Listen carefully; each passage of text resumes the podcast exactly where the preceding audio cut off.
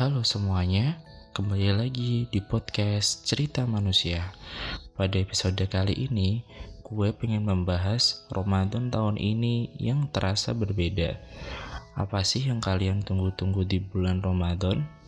Suasana ngabuburit di senja yang sangat menenangkan hati dan jiwa, es buah, kolak, gorengan yang menjadi menu wajib buka puasa, keliling masjid-masjid untuk mencari menu buka puasa yang paling komplit dan lengkap, atau memasak untuk menu sahur dan buka puasa bareng bersama keluarga tercinta, atau momen-momen yang masih banyak lainnya yang sudah kita tunggu setahun lamanya.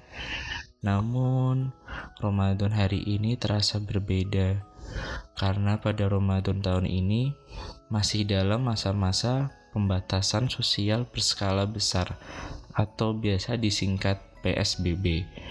Mengingat Indonesia masih dalam suasana siaga untuk menanggulangi penyebaran COVID-19. Momen-momen yang kita tunggu-tunggu setahun lamanya harus ditiadakan untuk kebaikan bersama. Momen seperti sholat tarawih berjamaah di masjid, tadarus bersama di masjid, ngabuburit, dan kegiatan-kegiatan lainnya harus ditunda dulu di Ramadan tahun ini.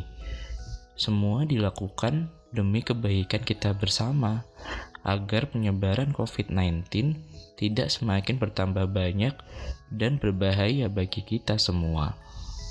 Meskipun keadaan Ramadan tahun ini berbeda, tetapi nilai dari bulan Ramadan tidak akan berbeda. Bulan mulia ini, di mana semua amal ibadah dilipat gandakan nilainya, semua dosa diampuni, semua doa diijabahi, dan keutamaan-keutamaan lainnya di bulan Ramadan. Meskipun keadaan ini membuat kita sedih, tapi masih ada harapan di bulan mulia ini. Mari kita bersama-sama berdoa memohon kepada Allah Subhanahu wa taala agar semua musabah ini dapat segera dilewati dengan cepat.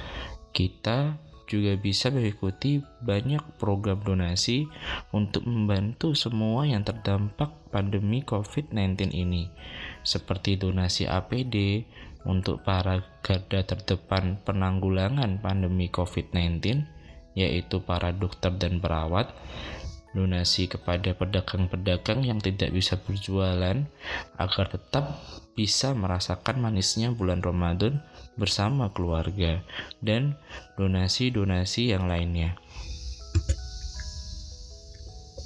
Tetap ikuti anjuran pemerintah untuk selalu menggunakan masker, social distancing, dan anjuran-anjuran yang lainnya untuk menghentikan penyebaran COVID-19 ini.